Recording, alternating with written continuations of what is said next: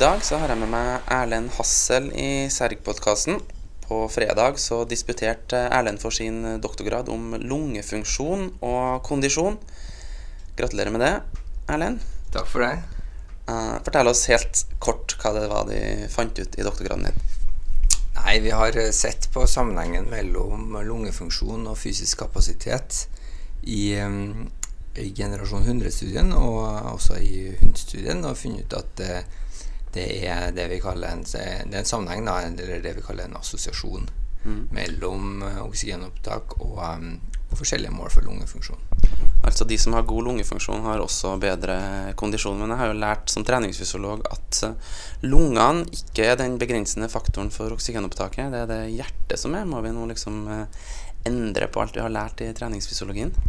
Um, nei, jeg vil kanskje ikke hoppe rett til den konklusjonen. Det er mange årsaker til at uh, man kan finne en sånn assosiasjon. da.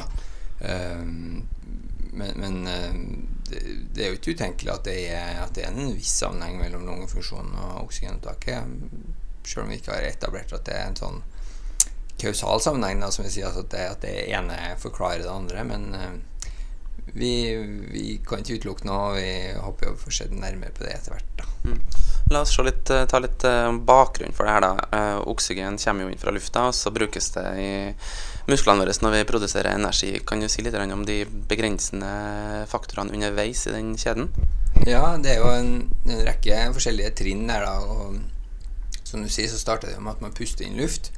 Um, og da er, jo det et potensial for begrensning der. Altså man puster inn og, inn og ut luft, og hvis man ikke får nok luft inn og ut, så går det utover oksygenopptaket. Uh, neste er jo det gassdiffusjonen, som er prosessen hvor, hvor oksygenet krysser fra lufta som er i lungeblærene, og over i eh, de små blodkarene, lungekapillærene. Og så går jo da Og da er jo oksygenet over i sirkulasjonen og begynner seg til hemoglobin. Um, og da følger blodstrømmen og blir pumpa med hjertet ut i sirkulasjonen. Og da er hjertet en viktig begrensende faktor her, eller hjertets maksimale pumpekapasitet. Uh, og så videre så går det på det med fordelinga av det her blodet ut i kroppen, og at det havner der det trengs, og at, det, at, det, at avstanden mellom uh, kapillærene, eller de små blodårene ute i musklene, er kort da, over til muskelfibrene. Og eller at avstanden fra, fra blodet og til mitokondriene musklene egentlig er kort. Og At det ikke er noe diffusjonshinder der. Og så går det jo på konsentrasjon og mengde og effektivitet av mitokondriene, som er det siste trinnet hvor oksygenet forbrukes til å produsere ja, hovedsakelig ATP, da, som, som, som benyttes direkte i, i selve kontraksjonen i muskelfibrene. Lungefunksjonen, Erlend, er den eh, trenbar?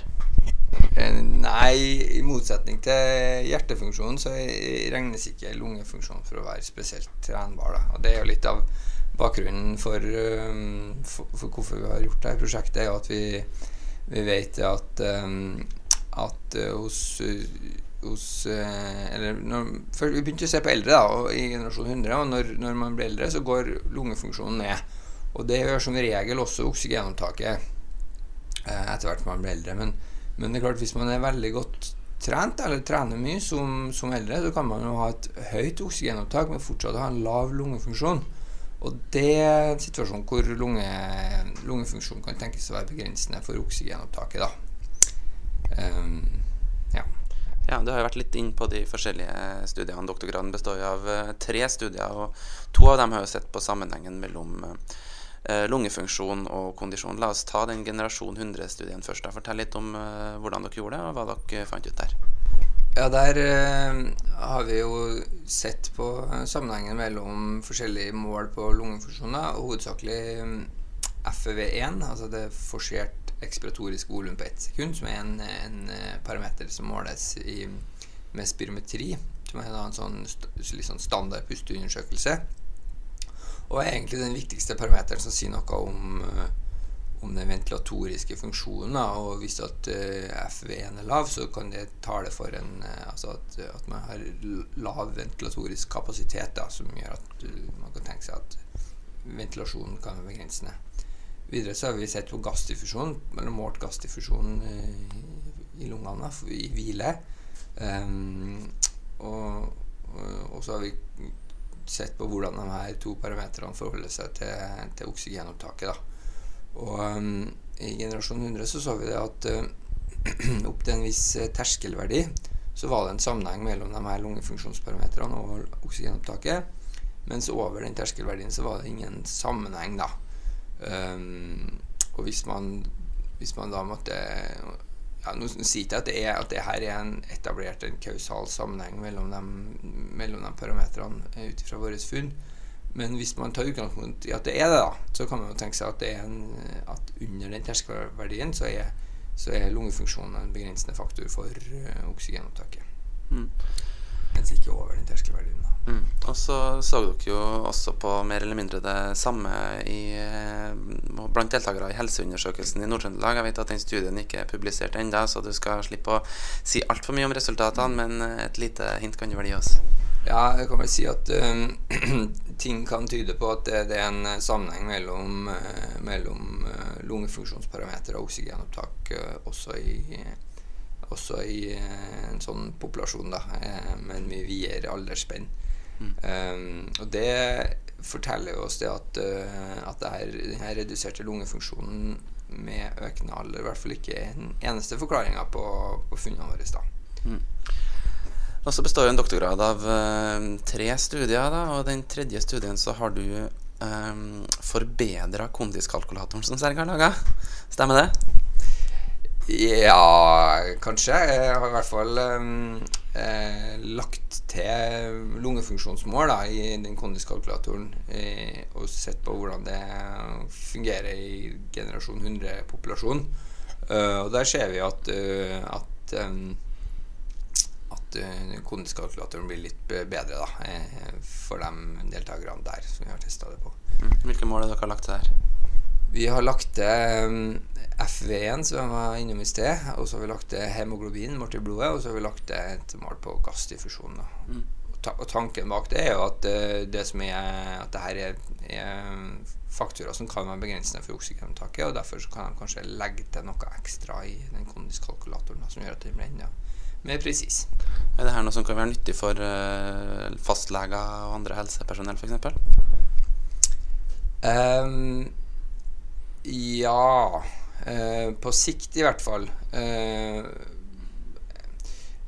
Foreløpig så er, er ikke denne eh, nye versjonen av kondiskalkulatoren validert, som det heter. Altså, den er jo ikke testa ut opp mot forskjellige typer populasjoner. Uh, og heller ikke vet ikke om den noe, kan forutsi det som kalles harde endepunkter, altså som død og hjertesykdom. Så med et lite forbehold der, så, så, så, tenker jeg at den eh, i hvert fall i, i, en, i populasjoner som ligner generasjon 100-populasjonen, så kan man kanskje tenke seg at den kan brukes. Mm. Nå er du ferdig med doktorgraden. Hva skal du begynne med nå? Nei, nå skal jeg ha en liten uke ferie her. så det har jeg sett fram til. Eh, det har vært, eh, jeg skal ikke legge skjul på at det har vært eh, mye jobb, spesielt et par uker et par siste ukene. Så nå skal jeg være litt med familien og sånn. Og så skal jeg, så skal jeg finne fram notatene igjen, da, og så begynne å bla i bunken og se, se hva jeg skal ta til videre med forskningsmessig. Jeg har jo bakgrunn fra lungefaget. Syns jo at lungedataen i generasjon 100 er veldig spennende. Da. Alle andre er jo veldig opptatt av, eh, av oksygenopptaket, men jeg syns jo lungedataen er veldig spennende. Og det som har vært mest spennende der, er å se på om, om lungefunksjonen likevel kan påvirkes ved trening. For det er ingen som har undersøkt i en så stor studie før, og over tid på den måten som gjøres i generasjon 100. Sånn at um, det er liksom den hellige lungegralen i generasjon 100. Det å se på om treningsintervensjon kan påvirke lungefunksjonsmålingene på et eller annet vis.